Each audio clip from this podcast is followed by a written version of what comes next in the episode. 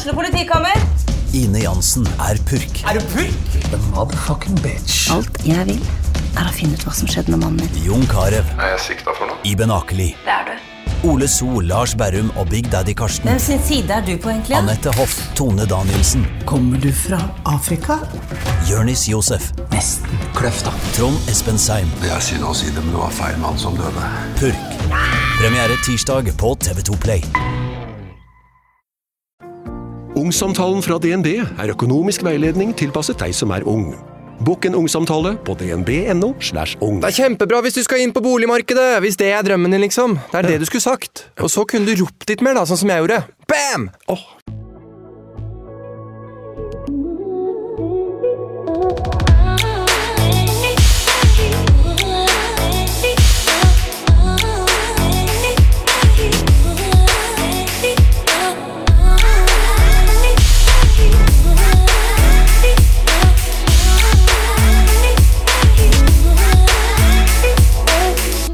Det er rart når man følger noen på sosiale medier.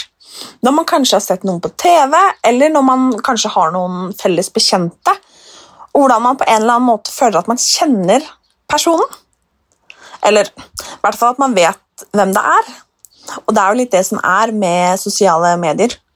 Man vet gjerne hvem kjæresten til personen er, hva personen driver med, jobber med, og kanskje til og med hva personen spiste til middag i går. Da er det ekstra gøy å få bli eh, litt mer ordentlig kjent. Sånn alene over mikrofonen, og for deres del å lytte til samtalen. Som egentlig er ganske personlig og nær. Det blir jo ofte det når to stykker sitter og prater sammen om, om livet og de store spørsmålene. Og i dag skal dere få lytte til Mie. Hun ble kjent gjennom Love Island og har siden det vært aktiv på sosiale medier. Jeg og Mia har spesielt én ting til felles, som én av ti andre kvinner også har, nemlig endometriose. Og det er en av tingene vi skal prate om i dag. Men vi skal også prate om da forholdet til Ali gikk skeis, hvordan de fant hverandre igjen, hvordan livet ser ut nå, og hvordan hun håper at livet skal se ut fremover.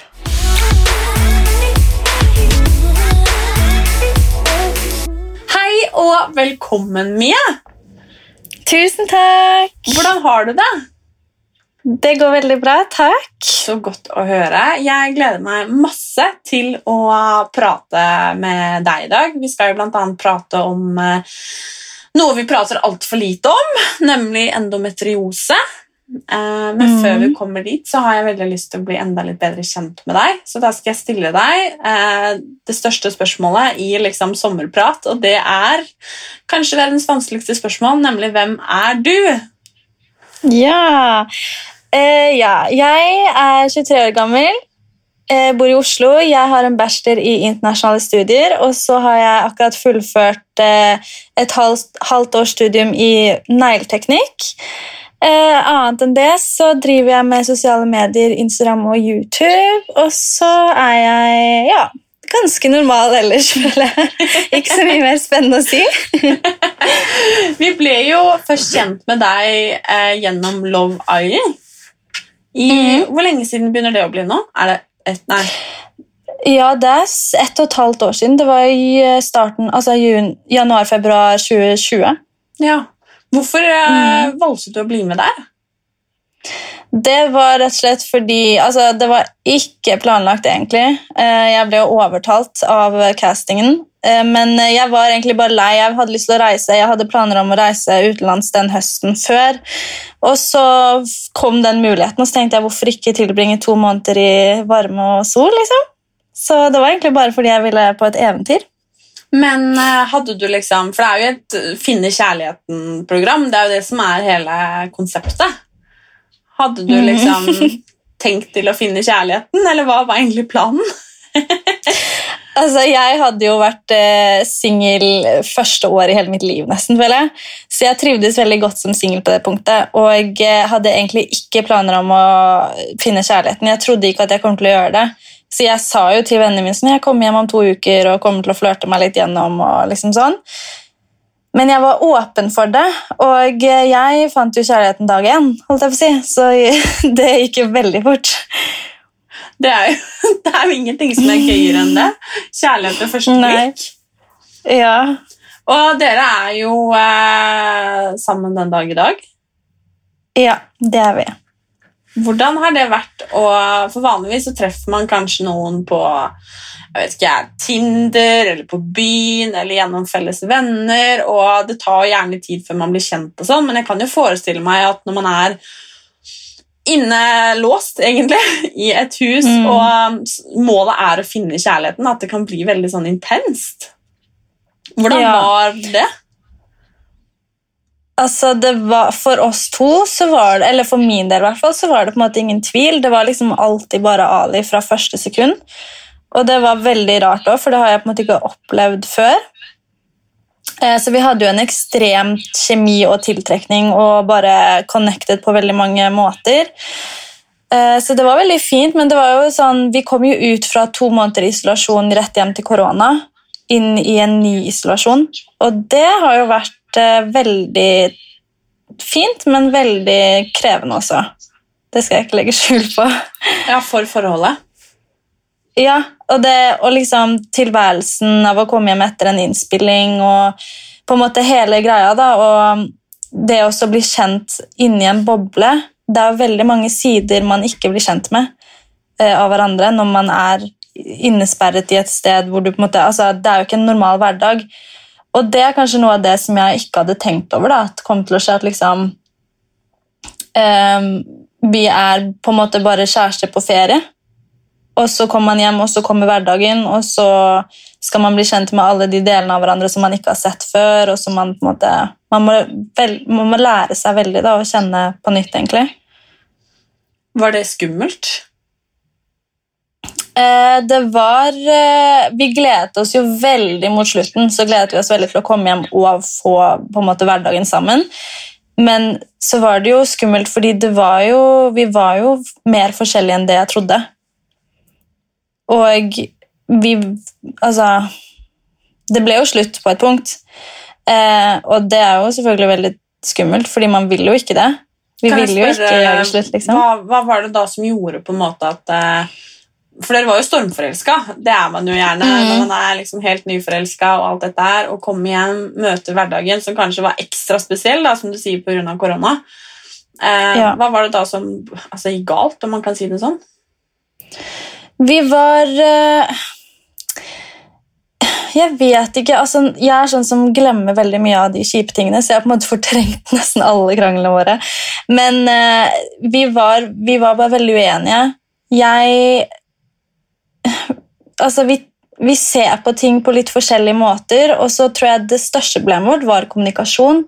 Vi lærte oss ikke å kommunisere, og det liksom det å bare prate om ting i stedet for å lage en stor krangel ut av noe, og bare liksom eh, forstå den andre, det klarte vi ikke i det hele tatt. Så alt ble en stor krangel, og det ble bare verre og verre, og vi matet hverandre med krangler, liksom, i stedet for å bare forstå at ok, sånn, det som vi har lært nå, det er kanskje sånn Kanskje jeg er litt irritabel en dag, derfor lager jeg en krangel. Så nå kan Ali forstå at det er derfor jeg lager den krangelen. I stedet for å fortsette å krangle med meg, så kan han bare spørre hvordan har du det egentlig. Hvis du skjønner? da. Mm. Den kommunikasjonen er så viktig, og den hadde vi ikke. Så det er nok det største, den ja, hovedfaktoren til at vi ikke klarte det. Men hvordan er det da å være i et så offentlig forhold? Altså, dere har jo blitt kjærester liksom, på TV, og man har fått følge liksom, ja, egentlig alle oppturer og nedturer på veien. Eh, og så dra hjem sammen, være en stormforelska, og verden, liksom, eller Norge i hvert fall, følger liksom med på dere og er kjempenysgjerrig på hva som skjer, og, og så møter du på en måte Ender det egentlig opp med et brudd? Hvordan i alle dager var det? Ja. Um, det var ikke altså Det var selvfølgelig ikke noe gøy. Vi, for, vi hadde jo øynene på oss, og vi altså, Før det ble slutt, så var det jo en veldig turbulent periode også. Og folk fulgte veldig mye mer med enn det jeg hadde sett for meg, og det jeg trodde. Så vi fikk jo melding fra journalister, vi fikk meldinger fra folk på Instagram, og folk skulle liksom hele tiden vite, og det er veldig eh, Den situasjonen vi sto oppe i, så visste vi ikke selv hva vi ville. Og det da er det veldig sårt å hele tiden ha folk fra siden som skal vite. da. når du ikke vet selv.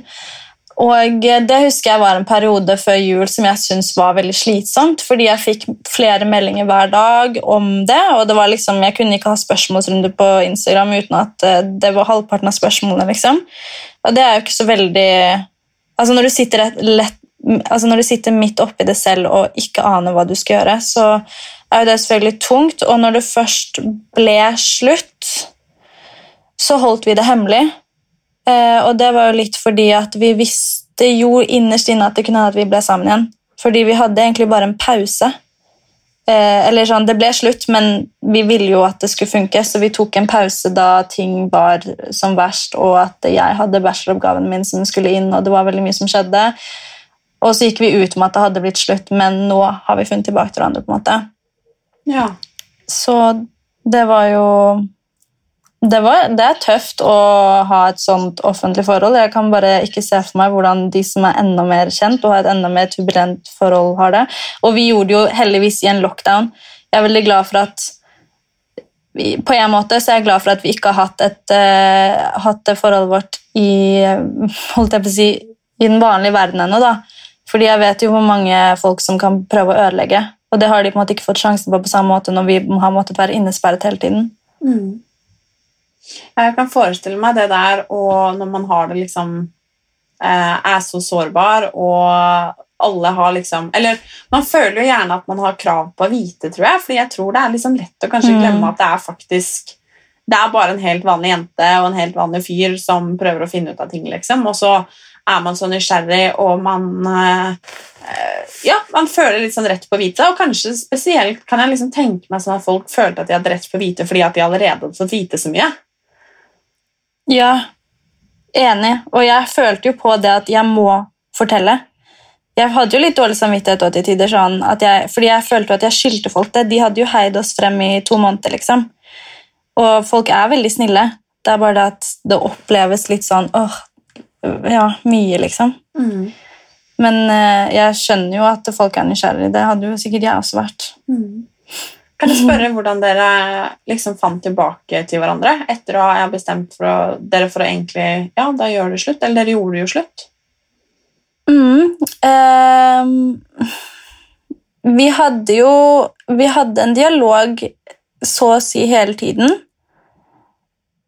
Og eh, vi pratet sammen om på en måte hva vi trengte av den andre. Og så var det vel egentlig det at jeg tenkte Før nyttår tenkte jeg ok, jeg må vite hva jeg vil på nyttårsaften. Fordi enten må jeg gå inn i det nye året med Ali, eller så må jeg gå inn i det nye året uten Ali. Og da er det ikke, hvis jeg går inn i det nye året uten Ali, så er det ikke noe tilbake. Så jeg sto liksom, Og det er jeg veldig glad for den dag i dag, for da sto jeg ved et veiskille som var liksom enten-eller. Og så valgte jeg ok, jeg er, jeg er forelsket i han, jeg vil ha han, jeg vet at vi kan ha det bra, så da velger jeg å gå med Ali. Og det var vel egentlig bare fordi den, jeg tror den pausen gjorde så mye for oss. Både meg alene og han alene, at vi vokste så mye, og at vi innså på en måte, ok, det forholdet her er så bra, egentlig. Dette er de problemene vi har, og dette er det vi må jobbe med, og da kan vi få det mye bedre enn det vi noen gang har hatt det, og det, det var jo det som skjedde også. Så det var vel egentlig, ja, vi bare, måtte, vi bare måtte innse hva vi hadde, og hva vi trengte å fikse opp i. Og nå er det cirka et uh, halvt år siden. Hvordan har dere det nå? Mm. Vi har det veldig bra. Altså, vi har det bedre enn vi har noen gang hatt det. Uh, Vi kommuniserer kjempebra. Vi er bestevenner, og vi, vi gir mye mer rom til hverandre. Den andre til å være den den vil være, og liksom Ja, vi gir hverandre mer pusterom, kanskje. Ehm, mye flinke til å snakke sammen, krangler så å si aldri. Jeg, jeg vil si nå at vi har et veldig sunt forhold. I fjor så hadde vi kanskje ikke det, men nå vil jeg si at vi har akkurat et sånt forhold som jeg ser på som et sunt og næringsrikt forhold. Da, på en måte. Mm. For det har jeg tenkt litt på. for at um Hvis vi skal kalle deg kjærlighetsguruen her nå, da, siden du har vært på TV for kjærligheten Veldig ofte så tror jeg Eller jeg har tenkt selv at eh, i dagens liksom, moderne sånn dating, da Um, der det er muligheter på ethvert hjørne, og jeg tror det er veldig liksom, enkelt å tenke at gresset er grønnere på den andre siden. Uh, og så er det verdens største klisjé å si at det er bare det om du glemmer å vanne hos deg selv og alt dette her, liksom. Men i og med at det er muligheter liksom, på ethvert hjørne, så tror jeg også at veldig mange liksom, har blitt veldig sånn ja, Ikke kostbare er feil ord, men at man har blitt veldig sånn Hvis noe er feil, så bare går man videre. Mm. Eh, og det kan være små mm. bagateller ved en man dater, eller en partner, eller før ting liksom har rukket å bli seriøst. da. Hvis man treffer en fyr, eksempel, at man liksom tenker at nei, han er sånn eller han er sånn, og så eh, dumper man personen for noe som egentlig kanskje kunne vært en bagatell. da. Eh, litt fordi at jeg tror vi forestiller oss det, det perfekte, da. Den derre filmkjærligheten. Mm. Um, så jeg heier jo veldig på at dere, dere, prøvde igjen, selv når ting, etter at ting hadde vært så dritt. da. Um, ja. Og man skal aldri finne seg når ting på en måte er toxic, toxic eller dårlig, eller at man blir behandla dårlig. Men Nei. jeg heier som på at kjærligheten er på en måte større enn de vanskelige periodene der. Da. Så jeg syns det er skikkelig, skikkelig fint at dere har kommet dere gjennom, gjennom det. da. Og tenk, ja. om det, tenk, om dere ikke hadde prøvd igjen. liksom. Skulle du gått glipp av liksom, den kjærligheten du har nå, da, fordi at eh, dere hadde, hadde, det litt vanskeligere på veien. liksom. Ja, og jeg tenker bare at alle forhold har de vanskelige periodene. Og det gjør deg jo bare Eller som par, man blir jo bare sterkere av å kjempe seg gjennom det, så sant det ikke er sånn som du sier, et farlig forhold. Liksom. Da skal man selvfølgelig ikke kjempe seg gjennom det, men jeg tror at det, å, å, gå gjennom sånt med partneren sin, det gjør deg bare Det gjør det sterkere. Mm. Det er, eh, jeg pleier å tenke sånn, og har lært meg veldig det på veien selv i mitt eget forhold, det der at, og som jeg tenker, for Man vil jo gjerne ha det perfekte. ikke sant? At alt er på stell, mm. alt er perfekt. Men hvordan kan jeg forvente at min partner skal være perfekt når jeg er så langt ifra perfekt selv? Det, mm. det rimer jo ikke, liksom. Det går jo ikke opp i opp. Og det tror jeg kanskje kan være litt sånn fint å huske på, at det er den derre Ja, filmkjærligheten, den eksisterer ikke. Eh, mm. At Ja, kjærligheten går opp og ned, liksom. Absolutt. Helt enig. Men hva, hvordan ser dere for dere liksom, tiden framover nå, da? Sammen, liksom? For han er noen år eldre enn deg, er han ikke det? Jo, han fyller jo 30 i september. Ja. Og jeg fyller 24 i desember. Så det er vel seks år, da. Mm -hmm. um, og eh, vi eh, Altså, vi har ikke så mye planer. Jeg har jo tenkt å fortsette å studere. Eh, kanskje ikke til høsten, men kanskje høsten etter. Og jeg har lyst til å reise, og jeg har liksom lyst til å gjøre de tingene jeg har lyst til å gjøre. Han har en fast jobb, han eh, altså har en veldig stabil et stabilt liv, holdt jeg på å si, her hjemme i Oslo med leilighet og bil og eh, jobb og alt sånt der. Jeg har ikke det, for å si det sånn. Så vi har ikke planlagt så mye, annet enn at eh, han har kjøpt leilighet som vi skal pusse opp sammen. Og eh, jeg skal reise litt og studere litt, og så tar vi det litt som det kommer. Det eneste jeg vet, er at vi, ha, vi har en fremtid sammen. Men eh, med alle de store tingene, det, det stresser vi ikke noe med. Stresser det deg noen gang at han på en måte er så etablert, liksom, og så ønsker ikke du å etablere deg på den måten ennå? Nei, for vi snakker om det, og han er jo veldig ung til sinns. Han er jo ikke sånn at han, bare fordi han er 30, så vil han ha barn om to år, liksom. Han har sagt at det, altså, det går jo i mitt tempo sånn sett. Vi har veldig samme tidsberegning på det.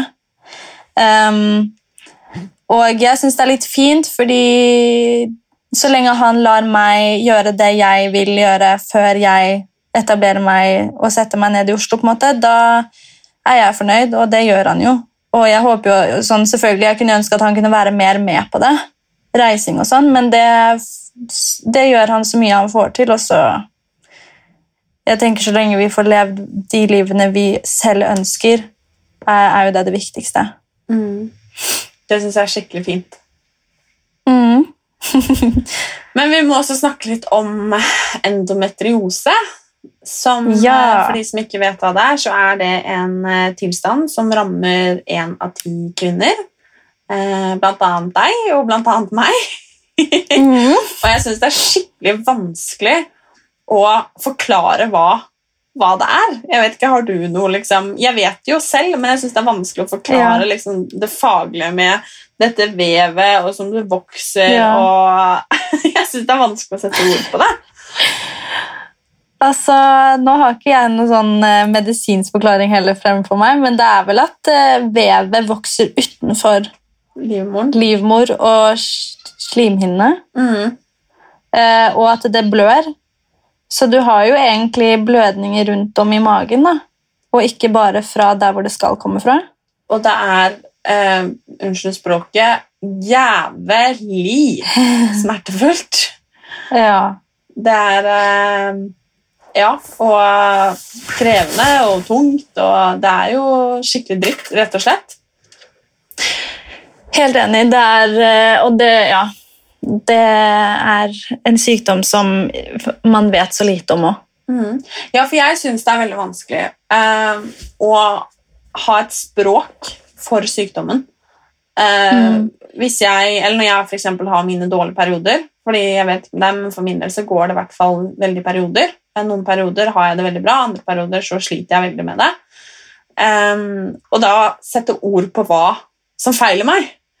Eh, Mm. For opp igjennom så har jeg jo bare sagt nei, jeg har mensen. Mm. men noen ganger så kan det jo liksom stå på på det verste i tre uker, og jeg går kan jo ikke gå rundt i tre uker altså, jeg, og ha mensen, så jeg mangler liksom et språk for å beskrive hva som egentlig er problemet. Ja. For det blir jo kanskje litt feil å si Nei, oi, hva feiler det deg? Eller nei, jeg kan ikke fordi at jeg har endometriose, liksom. Det føles så vagt, da. Ja. Er, ja, og så er det liksom det er en betennelse inni Eller det er som en betennelse da, inni magen. Så man kan liksom aldri se det heller. Og det er jo det Folk sliter jo, folk har veldig lyst til å illustrere det, men det er jo så utrolig vanskelig å illustrere hvordan det faktisk føles og kjennes og ser ut. Men eh, jeg har også pleid å bare si altså Nå har ikke jeg sagt så mye, jeg har bare droppet å si at jeg har vondt, men jeg har pleid å bare si sånn, ja, jeg har konstante mensensmerter. Det er jo på en måte det det er. Eller bare vondt i ryggen og vondt i magen. Ja, det er litt synd at man ikke har noe, har noe bedre språk for det, men det kommer jo kanskje jo mer vi prater om det. Ja, det håper jeg. Men eh, når var det du fant ut av at du hadde det? Jeg fant ut nå i mars. Eh, da, det var da jeg fikk operasjon. Så eh, jeg hadde mm, legetime i desember, tror jeg, eh, hos en venninne av mamma, så det er en familievenn, og hun var bare sånn Du har endometriose, det er ikke noe tvil, ut ifra det jeg fortalte, da. Og hun, bare, hun sa bare vi tar en operasjon, du, jeg setter deg opp, og bla, bla, bla. Og så kom jeg inn i mars, og de opererte, og da var jeg fortsatt litt sånn usikker, for da hadde jeg også tatt en eh, gynekologisk undersøkelse i forkant av den hvor de sa at alt så bra ut, så jeg tenkte jo at det samme kommer de til å si under operasjonen, men da kom de faktisk ut og sa at de hadde funnet endometriose. Um, og tatt bort litt og tatt prøver, og så fikk jeg jo det da 100 bekreftet etter de hadde tatt de prøvene på laboratoriet. Så det, var, det er ganske nylig. Hvordan, eh, hvordan har det her liksom påvirka hverdagen din? For du, har- hvor lenge har du hatt det? Cirka fem år, i hvert fall. Hvordan har det påvirka deg? Um, jeg har jo hatt da de mensensmertene som har vært konstante. De har på en måte ikke vært forbundet med syklusen min, det har bare vært sånn hele tiden. Og så har de spredd seg, kjennes det ut som. Så det har vært liksom nederst i magen, i korsryggen. Eh, seneste året så har de gått ned i bena, ned til føttene, og så har det jo påvirket altså, Fordi at jeg har jo aldri visst hva det er. Selv om jeg har foreslått endometriose for legene mine, så har de sagt at det mest sannsynlig er noe annet, så jeg har bare blitt utredet for alt annet. Og den, for det første, den redselen av å ikke vite hvorfor det har vondt, og den uroen, den har preget meg mer enn jeg tror Eller mer enn jeg har vært um, bevisst på, tror jeg. Fordi bare etter å ha fått diagnosen, så merker jeg at det liksom Det er som ti kilo av skulderen at jeg på en måte bare vet hvorfor det er sånn. Fordi jeg har vært livredd for det å ikke få barn, eksempel. Det er jo derfor eh, jeg har presset mest på å få hjelp. Om det ikke hadde vært for at det kunne påvirke det, så hadde jeg nok tatt mye lettere på det òg. Og det er jo sånn vi kvinner ofte er, at vi liksom Det går bra. Det går over. Um, og så vet jeg jo nå også i ettertid jeg klarer å på en måte legge to og to sammen, at det har påvirket psyken min ganske mye mer enn det jeg også har klart å legge sammen. Fordi det å ja, ha vondt, det påvirker humøret, det påvirker selvfølelse. Det på, altså sånn, kroppen, Hele kroppen blir jo påvirket av det å bære på smerte hele tiden. Og jeg har jo hatt ganske vondt i bena, det har jeg jo fortsatt å gå til behandling for det. Og det påvirker jo også det at jeg ikke har orket å trene så mye, for jeg føler meg konstant uttrent, liksom. Eh, Så i ettertid, nå som jeg har lært mye mer om endometriose og fått diagnosen, så har jeg klart å se hvordan det faktisk har påvirket meg de siste fem årene. Da. Fordi Før har jeg alltid tenkt sånn, ja, jeg har litt vondt i ryggen og magen og bena, liksom, men det er litt ekkelt å ikke vite hva det er. men jeg får, altså sånn, Man mister den troen fordi at når man kommer inn og ber om hjelp og blir sendt ut igjen, og ikke blir henvist videre, men bare blir sendt ut uten noe videre oppfølging, så blir man litt sånn, ja, men da er det ikke så farlig. Da er det, da er det ikke noe å være bekymret for, da, kanskje. Så ja.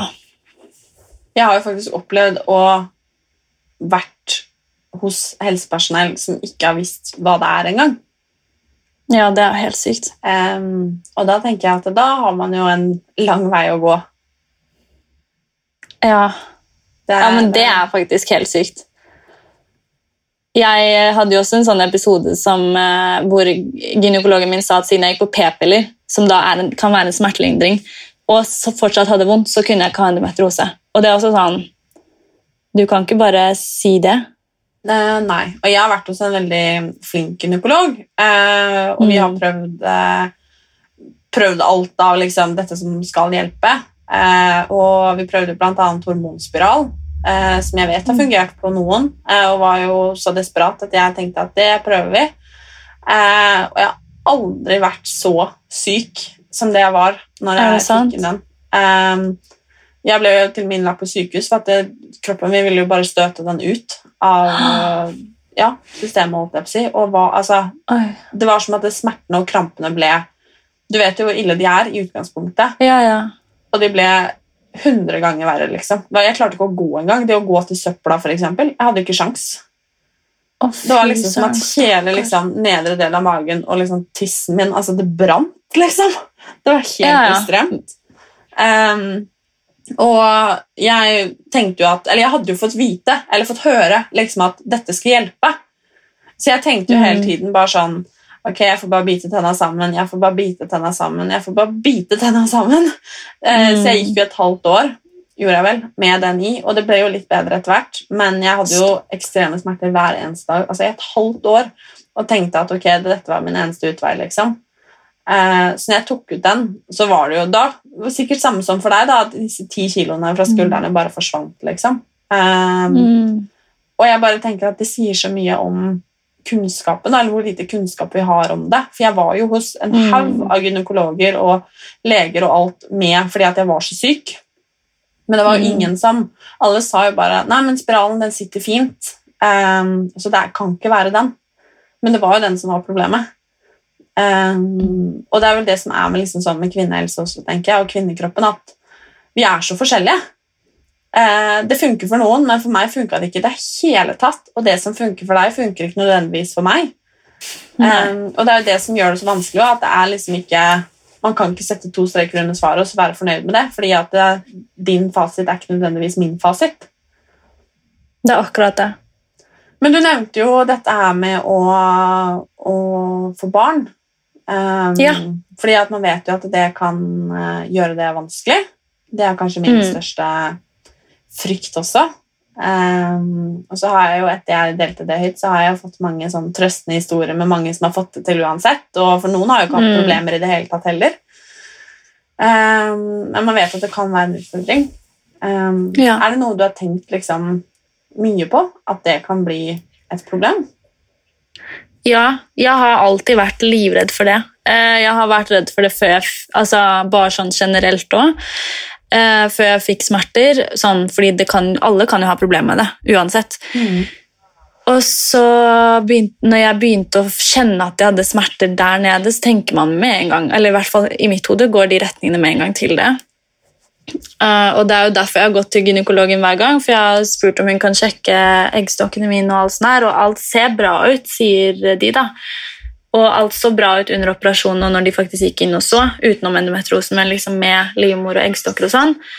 Og legen min også sa at eh, du skal kunne få barn sånn som det ser ut. Men igjen, alle kan jo se perfekt ut der nede holdt jeg på å si, og fortsatt ha vanskeligheter med det. Det vet man jo ikke. Um, men det er jo absolutt eh, Jeg vet jo at man liksom alltid kan finne løsninger, men det er et veldig stort ønske for meg å bli mamma. Og jeg har jo veldig lyst til det, og det er jo derfor som sagt, at jeg har på en måte oppsøkt, eller kjempet litt ekstra hardt for å finne ut hva, hva som feiler meg. da. Fordi at eh, jeg vet jo at hvis man går for lenge, så kan man jo altså Den sjansen for å få, kunne få barn eller for å bli gravid kan jo bli mindre hvis man går lenge med det uten å få behandling. Så ja, det har jo vært en bekymring. Men nå, nå tenker jeg litt sånn at jeg har fått beskjed om at alt ser bra ut, og at det, det ser ut som jeg skal kunne bli gravid helt fint uten hjelp osv. Og, så og da tenker jeg at da får jeg bare eh, stole på det, og så får jeg heller ta det når den tid kommer. Er det noe du og Ali har prata om? Så hvis matte, dersom matte? Nei, faktisk ikke. Det, vi prater ofte om barn, det gjør vi, men eh, vi har aldri pratet om hva vi gjør hvis det ikke går. Det er naturlig, holdt jeg på å si. Men eh, jeg er eh, åpen for alt, sånn sett. Eller sånn, jeg har, jeg har ikke vurdert det, men jeg tenker jo liksom Mamma får man bli uansett. Om det er biologisk eller ikke. Fostermor, hva som helst. Det, det fikser man, liksom. Så det kommer jo til å skje så lenge jeg vil. Eller vi vil, da. Ja, det er rart. Det, hvis man er i et forhold, så er det jo greit at begge vil. ja. ja. Nei, det er, eh, det er ikke bare bare det der. Det er ganske big business. Men det har jeg også sagt at det, uansett eh, hvordan det går Det er som du sier, eh, forhåpentligvis så er det ikke noe problem i det hele tatt. Eh, Mm. Og det er jo mange andre grunner til at man kan slite også med det. Eh, men eh, jeg har også sagt det der at uansett hvordan det der går, så skal jeg ha et hus eh, eller et hjem fylt av masse glade kids. liksom. Ja. ja. Uansett om de har kommet ut av meg, holdt jeg på å si, eller kommet, kommet inn døra. ja. Herregud, ja. Men jeg lurer, hvordan, eller har operasjonen liksom hjulpet noe på tilstanden din? Ehm, jeg satte jo inn hormonspiral, da. Mm. Eh, og jeg har jo ikke merket noe til den annet enn at eh, det kan hende altså sånn, Jeg kjenner ikke noen stor forskjell, det gjør jeg ikke. Men for min del så har det satt seg veldig i korsryggen og bena. Så det er på en måte de smertene som overdøver uansett. Og de er jo ikke borte, fordi det er jo spenninger og nerver og sånn som er i klem, og som kommer mye av endometriose. da. Eller liksom, ja, kroppen over tid eh, av endometriose. Men eh, jeg har faktisk ikke merket så mye forskjell, dessverre. Og, men jeg, veld, jeg har bare hatt den i da, noen måneder, tre måneder eller noe sånt.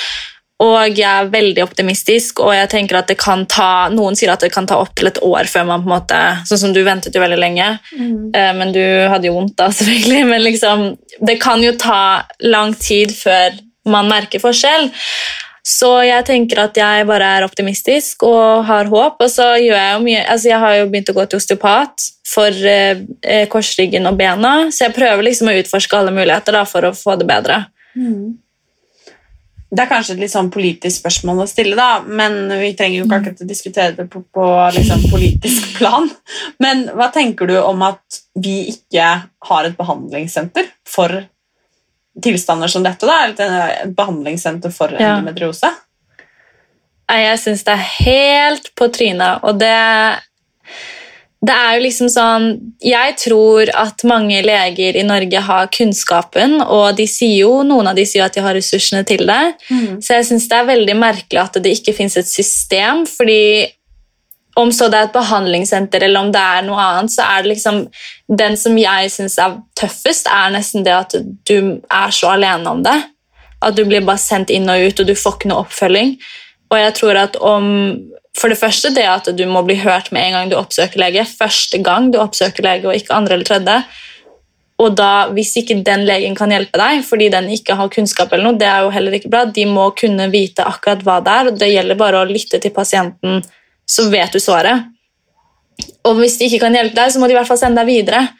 Og ikke minst det jeg også synes hadde vært veldig fint med sånn eksempel et behandlingssenter eller et annet form for system, er at når du da har fått diagnosen, hva skjer etterpå? Du trenger en oppfølging der òg.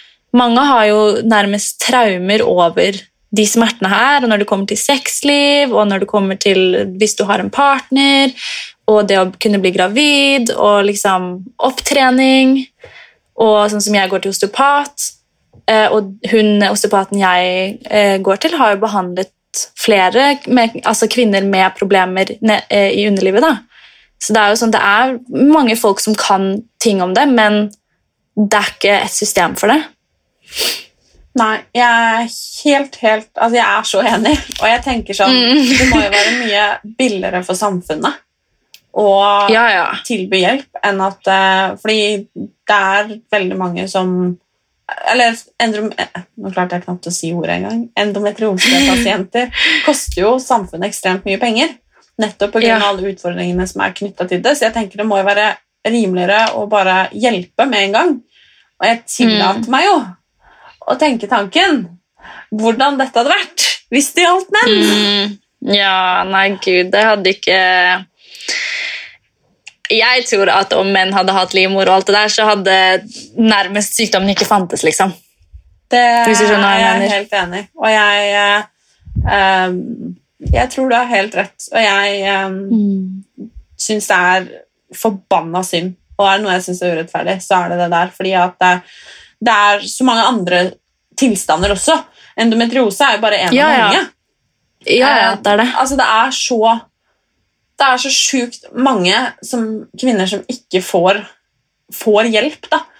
Eh, mm. og det, som du sier, altså, det er jo ikke bare det at man har smerter, eh, eller at noen blør ekstremt mye, men altså, det er liksom tilstander som gjør at man liksom altså, knapt klarer å ha sex, eller man klarer ikke å fungere i mm. altså, normalt liksom, sexliv. Det går utover selvfølelsen, det går utover kroppen, altså alt fra liksom hårvekst til vekt til liksom Bare det å føle det seg så jævlig drit, liksom. Og disse smertene mm. altså, Det blir jo på en måte en form for handikap for så mange. Så det at det skal mm. være så unnskyld språket igjen, jævlig vanskelig å få fingrene fingeren i gir og, og, forske, undersøke og hjelpe Jeg skjønner ikke at det kan være så vanskelig. Nei, jeg er helt enig. Og bare det at liksom, ja, Etter at jeg har gått ut med det, så har jeg fått meldinger fra veldig mange kvinner som har vært i samme situasjon, eller er det. Og bare hvor mange norske kvinner som ikke får levd det livet de ønsker å leve, med karriere, med barn, med liksom alt det de vil gjøre. Og de, det er ressurssterke kvinner som blir fratatt hverdagen fordi de ikke får hjelp. Og det er kvinner som liksom, ja, virkelig kunne Ja, du skjønner hva jeg mener? Mm. Ressurssterke, sterke kvinner som ikke får gjort det de vil gjøre, fordi at de må ligge i sengen og ha det vondt i stedet. Mm.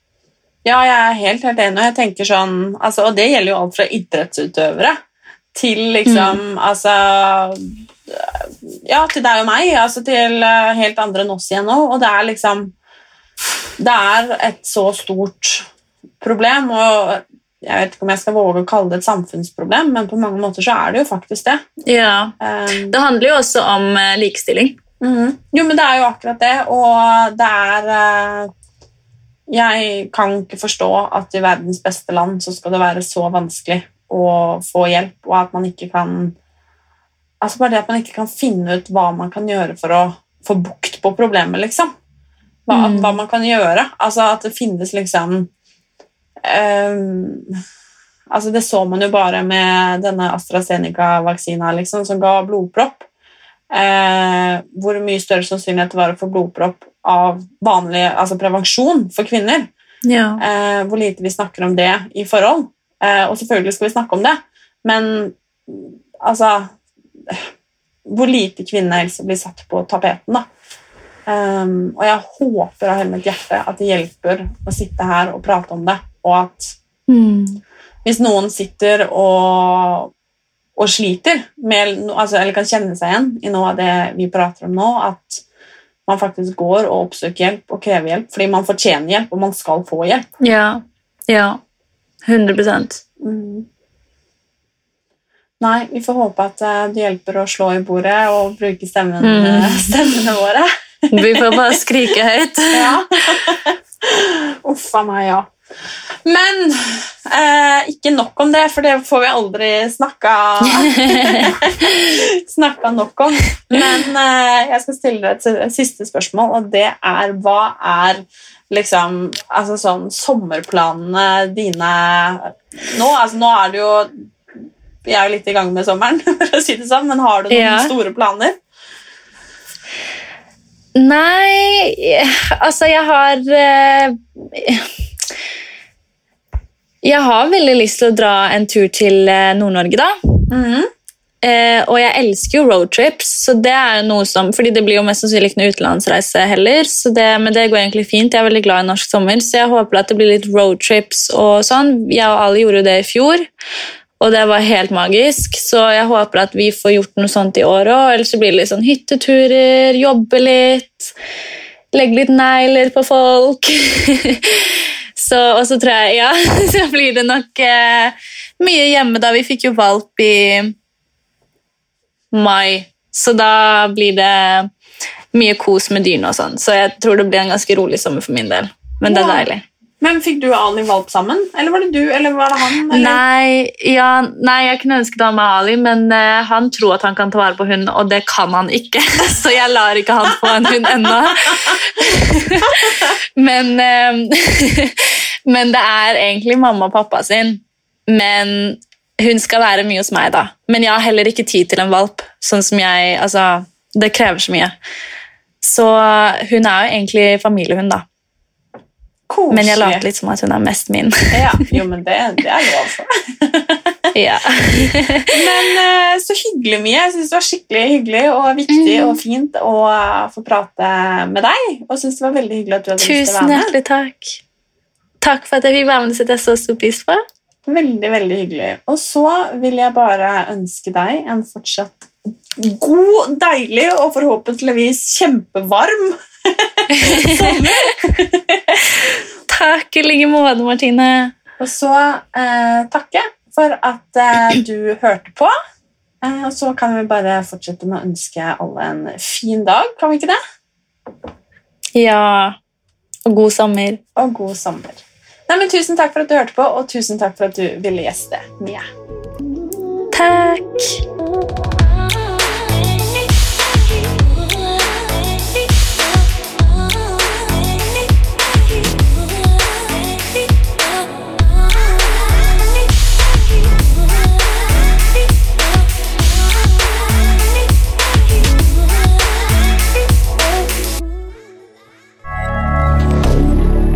Moderne media.